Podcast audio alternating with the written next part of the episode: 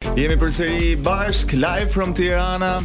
Uh, si çdo paraditë tjetër në Top Albania Radio dhe përpara se të nis një bisedë për një temë që e kam shumë për zemër, siç është turizmi me të ftuarën time me Flora Xhemani Babën, dua të ndaj me ju një lajm që ju nuk mundet asesi ta humbisni. Është një ofertë nga klinika stomatologjike Zoja e Këshillit të Mirë, Është një ofertë festive, deri në datën dymbëdhjetë janar dy mijë e njëzet e katër, përfitoni dhjetë për qind zbritje në shërbimet implant dentar, kurorë metal porcelan, kurorë zirkon, faseta E-max, aparat fiks me braketa metalike, aparat fiks me braketa estetike.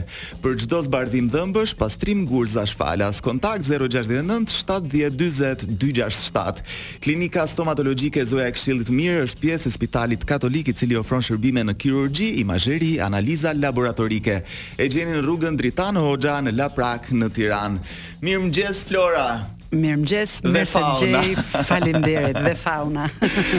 Flora jeni ju, fauna preferoj të jem. Fauna preferon ti shumë mirë. Në këtë moment, në këtë bisedë, më ka ardhur duar plot këtë paradite në Top Albania Radio me kalendarin 2024 me disa prej imazheve, fotografive më të bukura nga qytetet që edhe në kënde të ndryshme unë kisha dyshimet e mia, për shembull, Kemi një ishull diku nga qershori që ti po më thua që është Tongo.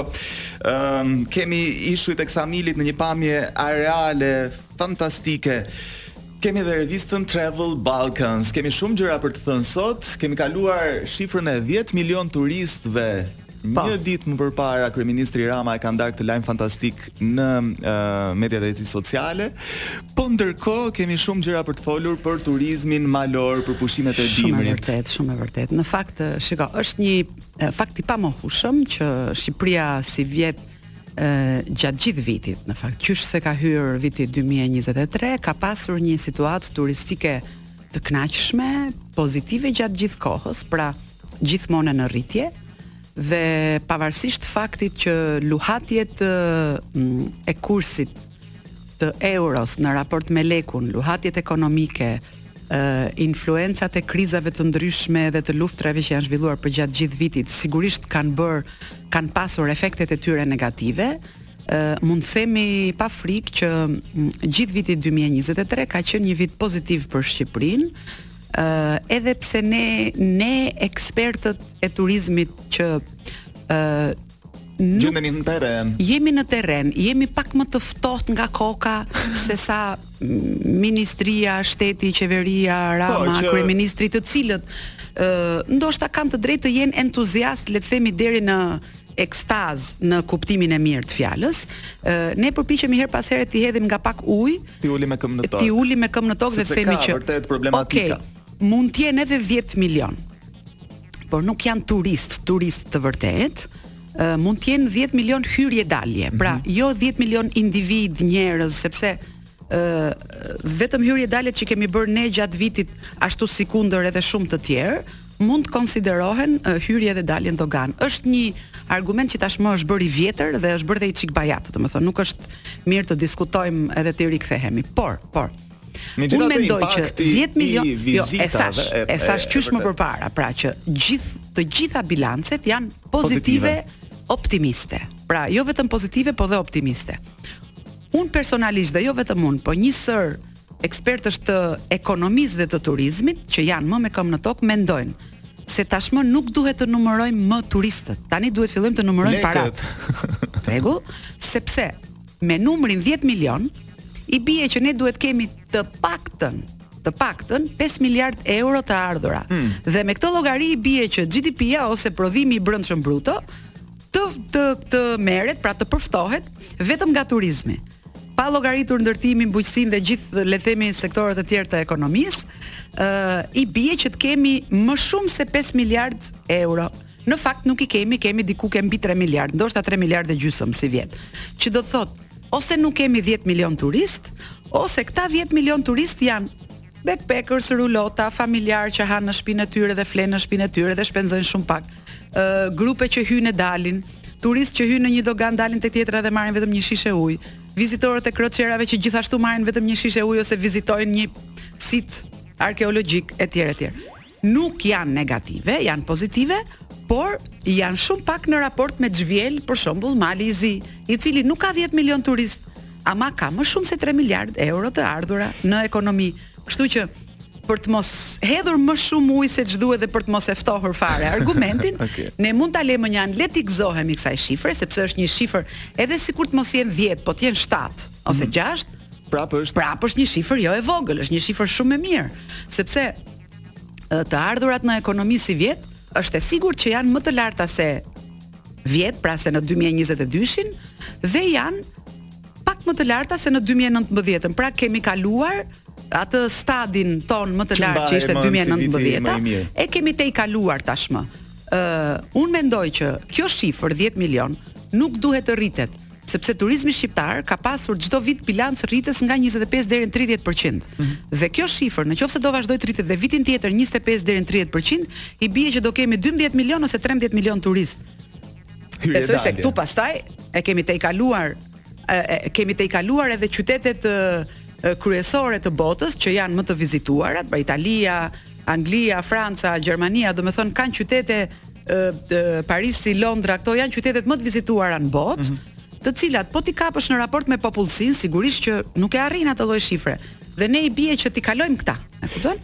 Kështu që Kështu që, që gjithsesi mbetemi ë uh, optimistë për për të ardhmen për 2024. Patjetër që po. Unë dua të flasim sot për qytetet që zgjedhin brenda Shqipërisë. Nuk e di ti Më the po vije nga një udhëtim. Po, nga Vlora. Si të ka gjetur po, si të ka gjetur kjo periudhë festash? Ë më, më ka gjetur jashtëzakonisht shumë në lëvizje në fakt, sepse nga që kemi qenë edhe duke shpërndarë reviste dhe duke shpërndarë kalendarin, të cilat janë punë tonat bash së bashku me udhëtimet, por shoh se situata është mm, është pozitive, sigurisht ne lëvizëm edhe për Krishtlindje, pra gjatë pak para dhe pas Krishtlindjes.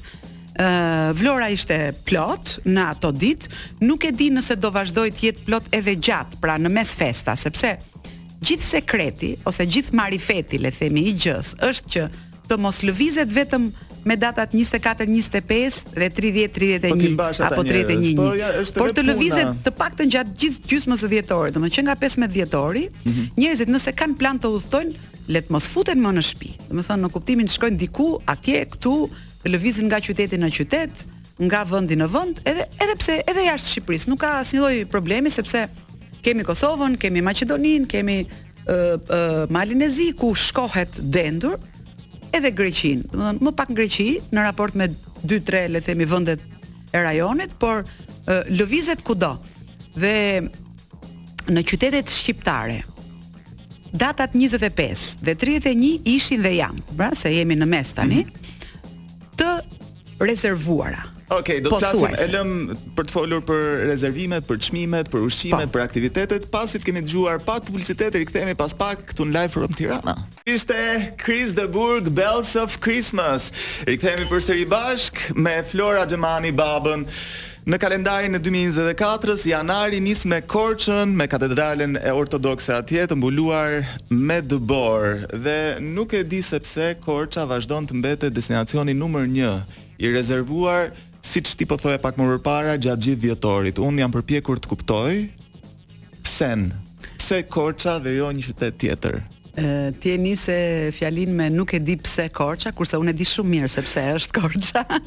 Janë disa sepse, arsye apo jo? Shiko, të gjithë kanë harruar vitet kur Niko Peleshi ishte kryetar i bashkisë së Korçës. Edhe unë vetë e kam harruar, pra nuk po, e mbaj mend. Unë kam harruar edhe Niko Peleshin vetë. E, okay. Uh, unë uh, jo, unë nuk e harroj sepse sa herë që shkoj në Korçë, e kuptoj domethënë që menaxhimi që ai i ka bërë qytetit atëherë, atëbotë.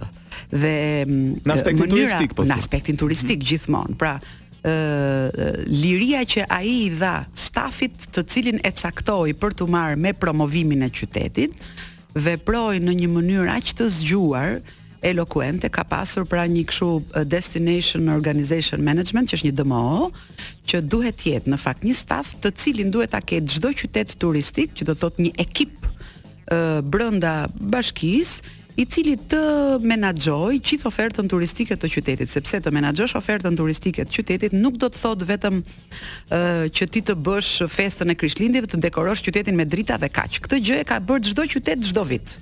dhe vetëm sivjet që e morën situatën në dorë, disa qytete dolën nga anonimati i festave, po themi kështu, edhe shkëlqyen, siç ishte Shkodra, Saranda, Berati, ë, Gjirokastra.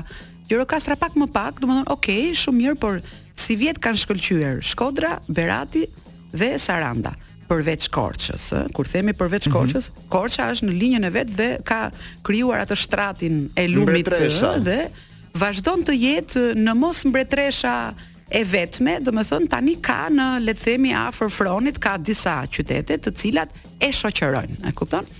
Ëm um, sepse Korça ka pasur për shembull një pistë patinazhi që e ka akoma. Asaj ia lejon dhe klima, të kuptohemi, pra ka disa aspekte ose disa tipare, të cilat Korça i ka të saj dhe mbi këto tipare ajo ka ndërtuar ofertën e vet turistike që janë Fshatrat rreth e përqark Korçës, të cilat kanë një distancë le të themi 10, 15, 18, 20 kilometra deri në 40 kilometra. Ndërkohë që Shkodra e ka këtë favor, por i ka pak më të largëta. Pra po fshatrat dimrorë, Thethin, Razmën, Lëpushën, Vermoshin, që janë katër polet Bogën gjithashtu, i ka në një distancë pak më të largët fizike, por kjo nuk do të thotë që ato nuk janë të vlefshme sepse historikisht njerëzit kur kanë shkuar nëpër këto fshatra, për të le të themi për pushime dimrore, aq sa ka qenë e mundur me makina të larta, pa rrugë që tani fatmirësisht janë rrugët të, të asfaltuara, pra të shtruara, kanë qëndruar në Shkodër, kanë fjetur në Shkodër dhe kanë shkuar për shembull në Razëm ose në këto ose kanë qëndruar një natë atje dhe një natë në Shkodër. Domethënë e kanë kombinuar me kushtet e dhëna. Ndërkohë që Korça ka shfrytëzuar çdo detaj gjatë gjithë vitit. Korça ka qenë e vetmja që bënte festën e dritave. Mm. Çdo qytet i ndez Tirana i ndizte dritat. Por Korça bënte paradën e babagjyshve, bënte ndezjen e dritave, bënte e, disa festa me shën, domethënë sepse gjithë dhjetori është i mbushur me me festa fetare të tilla, të cilat janë le të themi një uh, arsye për të festuar ose për të nxjerrë njerëzit diku. Ë uh, pa llogaritur pastaj pjesën tjetër që arkitektura tipike e Korçës Pazari dhe do të dish një sekret në qoftë se të gjitha qytetet e, ndërtojnë një qytezë festash me këto kolibet e bukura. Po. Korça s'e ka këtë. Korça nuk ka po qytezë festash. Qytezë po ka bulevardin po. Shën Gjergji, ka pazarin, të cilat janë praktikisht qyteza reale, të cilat janë të vlefshme gjithë vitin. Që do të thotë, ka disa aspekte mbi të cilat ajo ka ndërtuar me shumë zgjuarsi ofertën e saj turistike. Aq e vërtetë është kjo sa që të krahasosh Korçën me Pogradecin që janë vetëm 40 kilometra larg nga njëra tjetra, janë dy situata krejtësisht të ndryshme. Domethënë, të gjithë njerëzit shkojnë në Korçë dhe vetëm ndalojnë në Pogradec. Pra për të qëndruar në Korçë, shfrytëzohet edhe hoteli, vila ose apartamenti i fundit, Pastaj mbushet Pogradeci. Gjërat duhet t'i themi ashtu siç janë, ashtu siç janë në të vërtetë. Çfarë kapaciteti ka Korça? Mikpritës. Tani janë bërë um, më shumë se 200 njësi turistike, ndërkohë që oferta turistike e Korçës përpara një 10 vjeçari ka filluar me 3-4 hotele kryesore. Uh, kur Korça kishte bujtina, ajo që sot pra quhet modeli bujtinë që është ajo shtëpia me 3-4 dhoma, ka pasur dy tre të tilla karakteristike, kuptohet pra në këto shtëpitë e bukura korçare që të shekullit të kaluar dhe të shekullit të kaluar të të, të, të fillimit të viteve 30, domethënë nuk e kemi fjalën për shekullin 20, mhm. mm po shekullin 19.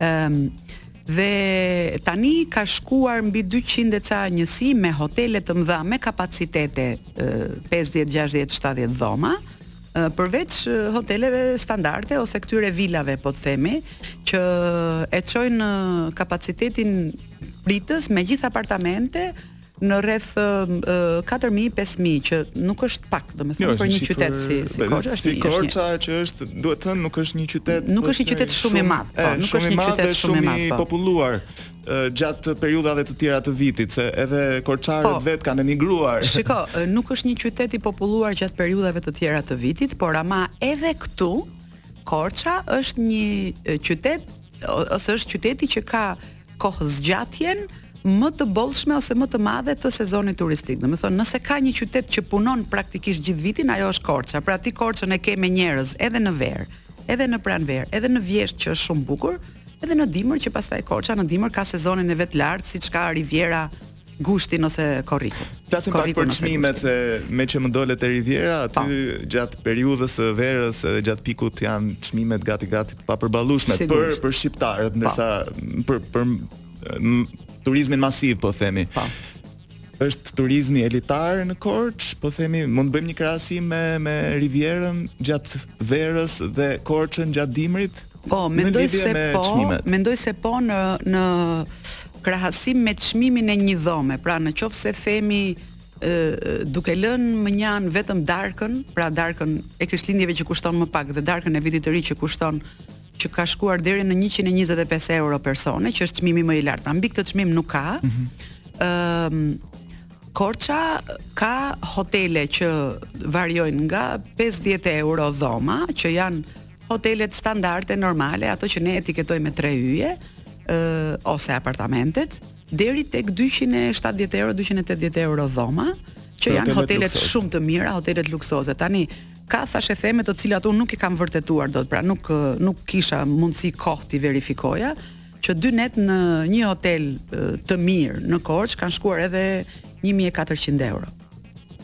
Thashë janë thashetheme, nuk e di nëse është e vërtetë. Të jashtëzakonshme. Po dhoma ekskluzive, të shoqëruara me spa, me mëngjese, me ku di unë me këto, domethënë këto shërbimet ekstra po themi. Por nuk e di, nuk e kam verifikuar, nuk e them dot pra që është e vërtetë. Dhe kjo është një situatë e cila in extremis, po themi, siç thotë dhe Grida in extremis. po, që bëhet pra, me pas. Në, në ekstrem, në ekstrem, ë mendoj se e, i korrespondon asaj situate që në Dhërmi për shkak ose në Ksamil Ti shkon pesëmbëdhjetë njëzet gusht kur nuk ka më vende, edhe ai thotë na ka mbetur vetëm suita, e cila faktikisht s'shitet e para, 500 euro, 600 euro etj etj. Dhe mendoj se është e njëjta situatë edhe në Korçë. Flora, po për ushqimin, çfarë mund të gjehet diçka e mirë, ë, brumi, mishi, çfarë preferohet gjatë këtyre festave? Shiko, uh, unë mendoj që për festat e për, për festën e vitit të ri, le të themi, meqenëse uh, Krishtlindja kaloi, por edhe edhe sepse Krishtlindja ende nuk është bërë në Shqipëri një festë aq popullore sa viti i ri, pra sa data 31, sepse përveç faktit që ne e kemi të trashëguar nga sistemi komunist këtë gjë, si një festë fetare. Uh, ne akoma e festojmë edhe Krishtlindjen, e festojmë në të njëjtën mënyrë, ndërkohë që Krishtlindja është një festë fetare e cila nuk festohet me njëzet e pesë, po me njëzet e katër. Pra, ne në Shqipëri kemi datën njëzet e pesë dhe tridhjetë e një ku kemi darkën, muzikën live, edhe që është një gjë absurde, ndërkohë që Krishtlindja ka vajtjen në kishë, marrjen pjesë në ceremoni, drekën, ritualet e tjera e tjera, por le të themi që data 31 sigurisht në bazë ka gjelin e detit, dhe baklavan ose përsheshin edhe pilafin, midis këtyre dhe Duke qenë se kjo është një traditë tashmë e pa, le të themi, e pa evitueshme,